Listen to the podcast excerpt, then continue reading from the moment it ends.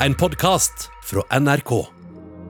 Bertheussen-saken ruller videre, og i forrige uke fikk vi høre om flere Facebook-chatter Laila Bertheussen har hatt med mektige Frp-kvinner.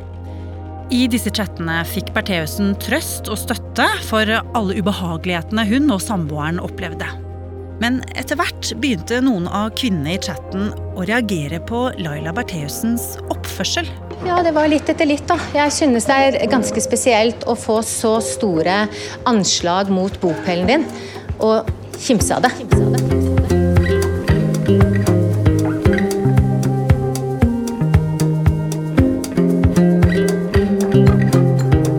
Du hører på Oppdatert.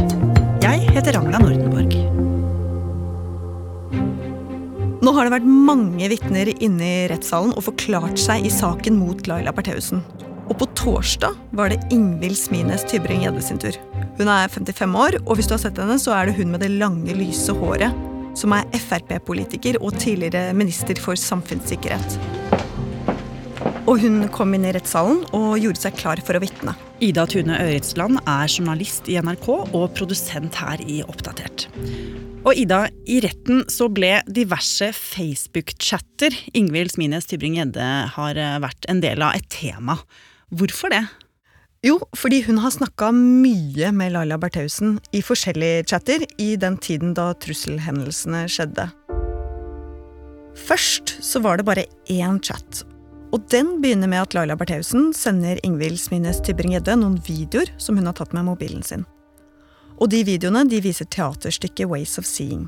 Og på lerretet bak skuespillerne så ser du noen hus. Og et av de husene er Laila Bertheussen sitt, der hun bor sammen med FrPs Tore Mikkel Wara, som var justisminister da alt dette her skjedde. Men det er også noen andre hus som vises. Blant annet huset til Ingvild Smines Tybring-Gjedde.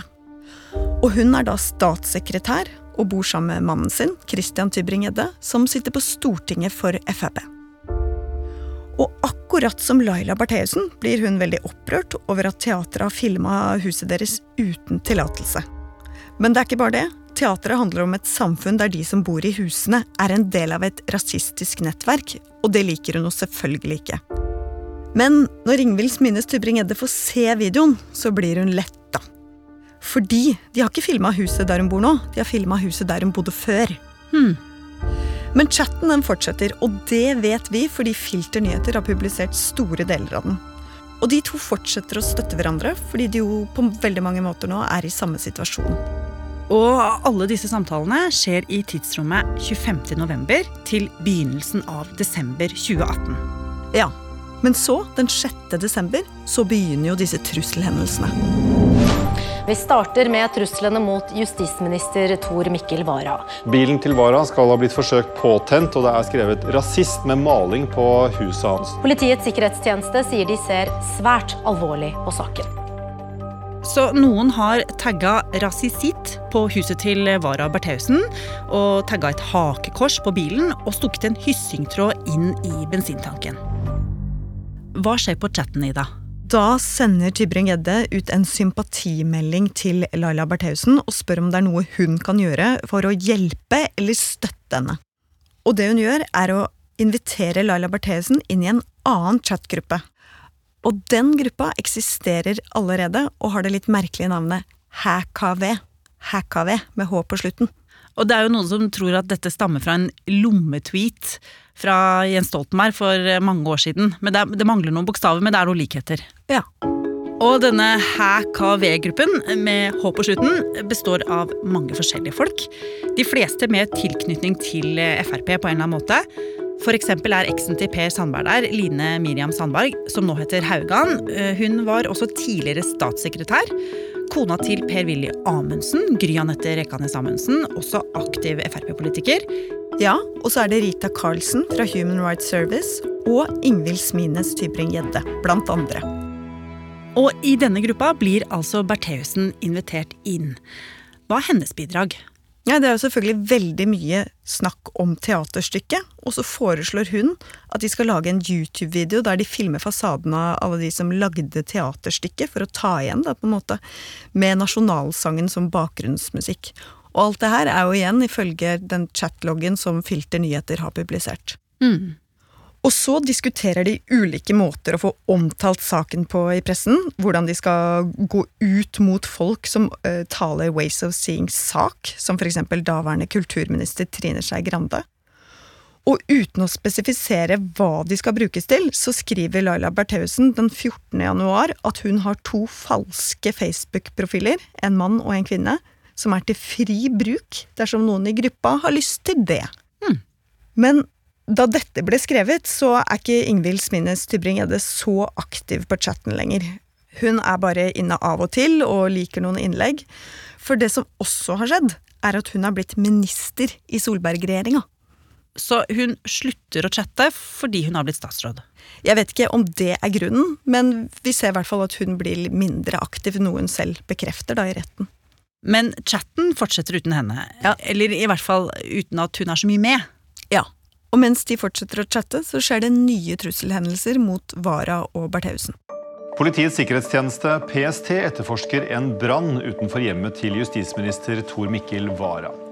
Ja, for den 17. januar mottar Bertheussen og Wara både et brev i posten som ikke er spesielt hyggelig, og så begynner det dessuten å brenne i søpla hjemme hos dem på Røa. Og den 29. januar så får de nok et brev og der står det 'Jeg må bare le av dem'. Det er ikke vi som er farlige, det er rasistene. Og vil vi bo i et drittsamfunn eller et hyggelig samfunn? Og dette brevet har vi jo hørt om i tidligere episoder, Ida. Ja, men så, den 5. februar 2019, så eskalerer denne saken. For da er det Ingvild Smines Tybring-Gjedde og mannen Christian som får et trusselbrev hjem til seg. Og det er nesten helt likt det trusselbrevet som Bertheussen fikk hjem i postkassa si. Jeg må bare le av dem drittsamfunnbrevet. Ja, og Ingvild Smines Tybring-Gjedde blir redd. Hun avlyser et politisk møte, forteller hun i retten. Hun vil ikke sitte med ryggen mot døra på restaurant, og hun legger seg ned på alle fire for å sjekke etter farlige gjenstander opp under bilen når hun skal ut og kjøre. Og hun holder seg mer hjemme og er bekymra for familien. Og det er nettopp dette som hun syns er så rart, fortalte hun i retten. At hun er så redd og takker ja til alle mulige sikkerhetstiltak som PST tilbyr henne. Mens hun syns det virker som Laila Bertheussen blir mer irritert over det som skjer, enn redd når hun blir truet. De reagerer helt ulikt, rett og slett? Ja. Og Tybring-Gjedde sier i retten at jeg ble heller ikke beroliget av at hun, altså Bertheussen, ikke viste redsel for å være aleine hjemme. Jeg opplevde det som mer enn rart at hun kimsa av det. Og hvordan kunne hun stå så trygt når alt dette skjedde, sa hun i retten at hun hadde tenkt. Men det er én ting til. Trusselbrevet, det kom hjem til hennes riktige adresse, og ikke til det gamle huset som teatret hadde filma. Og det stusser hun over. Hmm. Og samtidig så opplever hun at Bertheussen blir mer og mer intens på chatten. Blant annet så reagerer hun på at eh, Bertheussen har kartlagt et av teatrets folk. Og hun syntes også det var rart at hun ikke hørte om trusler mot andre som hadde fått huset sitt filma. Hvorfor var det bare Vara Bertheussen og oss, sa hun til retten at hun tenkte. Ja, for det var jo veldig mange andre hus som ble vist i denne forestillingen. Blant annet eh, Øystein Streisbetalen og Jens Stoltenberg sitt, var det ikke sånn? Jo, og så syns hun det er rart at så mange av hendelsene skjer når Bertheussen er alene hjemme. Så da begynner hun, litt etter litt, å tenke at det kanskje kan være Bertheussen selv som står bak. Så i februar så går eh, Ingvild Spines Tybring-Gjedde rundt og tenker at det kanskje er Laila Bertheussen som står bak alt sammen. Kvinnen hun altså har chatta med i mange måneder. Hva gjør hun med det? Hun snakker med Rita Karlsen, som også var i gruppa, og i retten nå så sier hun at de faktisk begynte å lure på om de rett og slett var blitt lurt. Og det er jo ikke noe god følelse. Nei, det er jo ikke det. Og hun sier at her tok vi henne inn i gruppa som en fornærma, en som trengte støtte og trøst, og så var det kanskje bare en lek, alt sammen. Og hva gjør eh, Ingvild Smines Tybring-Gjedde med denne mistanken? Hun bestemte seg for å varsle statsministerens kontor. Men det var jo ikke så lett for henne, for på den ene siden så var hun redd for ikke å bli trodd, og på den andre siden så var hun samfunnssikkerhetsminister som hadde mottatt et trusselbrev, og hun måtte gjøre noe, sa hun i retten. Skjønner. Så det hun faktisk endte opp med å gjøre, var å varsle et departementsråd i et møte. Men den beskjeden den kom aldri fram til statsministerens kontor. Det har vi fått vite nå i ettertid. Og dette er jo veldig interessant, Ida, fordi samtidig som da Smines Tybring-Gjedde varsler en departementsråd, så går hennes egen sjef, statsministeren i Norge, Erna Solberg, ut og kritiserer Ways of Seeing. Ja, Om ikke juridisk, så mener hun at de er med på å gjøre det vanskeligere å være politiker. Men så Den 14. mars 2019 blir Laila Bertheussen pågrepet av politiet og siktet for å ha tent på sin egen bil. Og siden den pågripelsen så har ikke disse to kvinnene hatt noen kontakt. Nei, de sier så. Og ikke bare det, politiet mener jo at hun har gjort en rekke andre ting også. Blant annet utsatt Ingvild Smines Tybring-Gjedde for trusler.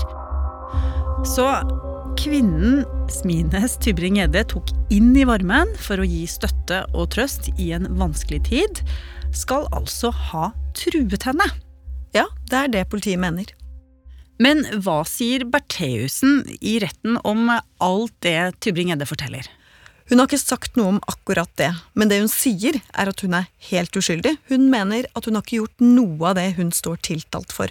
Men forsvareren hennes, Jon Christian Elden, oppsummerte Ingvild Smines Tybring-Gjedde sitt vitnemål med at det i og for seg var helt greit. Han mener at hun ikke hadde opplysninger som tilsa at trusselbrevet var fra Bertheussen, og det er det som er det viktige spørsmålet, sier han. Ok, det var uh, messengermeldingenes rolle i rettssaken. Men utenfor rettssaken så har jo disse messengermeldingene også skapt mye rabalder. Ja, det er flere aviskommentatorer som mener at mange av disse her meldingene som de sender til hverandre i gruppa, viser at de bruker makta si på en måte som ikke er helt greit. Og det her er jo en gjeng som har ganske mye makt. Og en av dem som mener det, er Martine Aurdal, som er kommentator i Dagbladet. Og hun var på Dagsnytt 18 torsdag forrige uke og snakka om akkurat det her.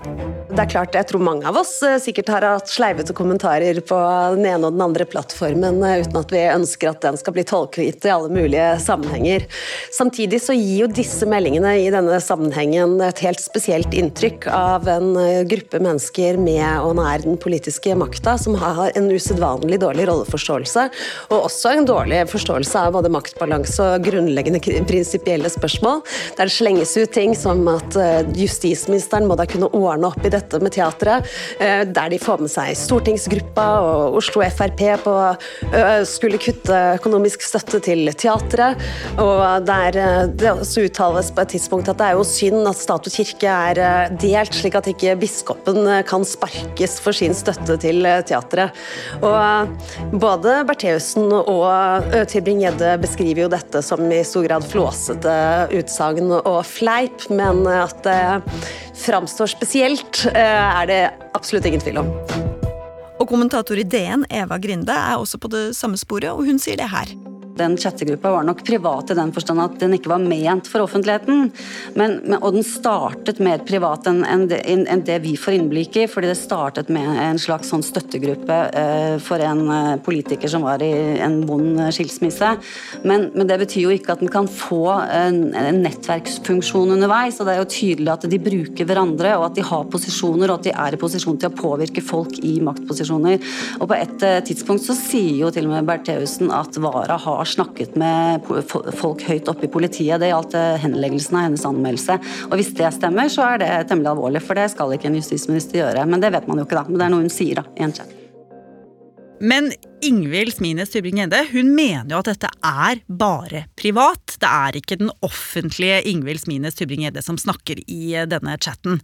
Og hun tok jo faktisk et lite oppgjør med pressen hun etter at hun hadde vitnet i forrige uke. Fordi hun mener det er helt uakseptabelt å publisere private chatlogger på den måten som Filter Nyheter har gjort, og som vi også snakker om her, Ida. Ja, hun syns ikke det er greit. Hun sier hun syns det er greit at det kommer fram ting i retten og har forståelse for det, men hun syns ikke det er greit at private chatter blir publisert på den måten, sa hun til VGTV. Nå vil det kanskje oppleves at jeg går til angrep på pressen. Og så tenker jeg litt at akkurat i denne saken så kan det være på sin plass. For her har dere altså trykket meldinger som har vært helt private, og dere vet de var personlige. I sårbar, altså For menneskene som hadde meningsutvekslinger, var i sårbare posisjoner. Og allikevel så trykker dere det.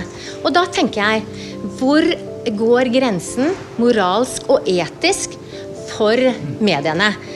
Det er et lite angrep på dere, men jeg syns i denne saken at den er betimelig. Men synes du ikke det, det er eh, relevant å belyse hvordan personer som forvalter makt, eh, opererer?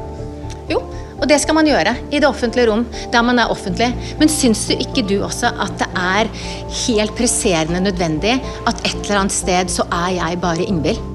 Og hun sier jo videre i intervjuet at hun har fullstendig kontroll på hva rollen hennes var som både statssekretær og minister. Selvfølgelig hadde jeg ingen påvirkning på hva justisministeren gjorde om dette. Vi har også fått eh, beskrevet at dette var et eh, makt, eh, en maktmessengergruppe som styrte landet. Hadde jeg styrt landet, så hadde det ikke skjedd. Men du var jo statsråd på dette tidspunktet. Er du ikke statsråd hele døgnet, også når du er på Messenger? Heldigvis ikke. Heldigvis ikke. Ok. Ingvild Smines Tybring-Gjedde syns dette er veldig ubehagelig.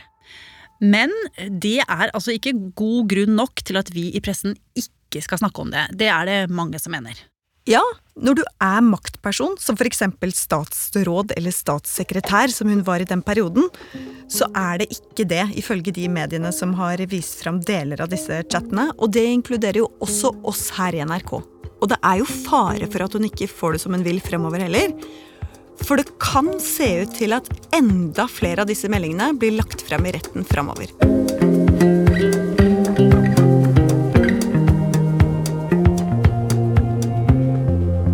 Har du lyst til å bli fast lytter av oss i Oppdatert og få påminnelse om nye episoder, er det bare å trykke på abonner-knappen. Da får du automatisk beskjed når en ny episode er klar. Oppdatert er en podkast fra NRK Nyheter, og vi som jobber her, er Ida Tune Øretsland, Petter Sommer og jeg, Ragna Nordenborg. Vil du kontakte oss, gjør gjerne det på oppdatert alfakrøll nrk.no. I denne episoden har vi brukt lyd fra VGTV. Du har hørt en podkast fra NRK. Hør flere podkaster og din favorittkanal i appen NRK Radio.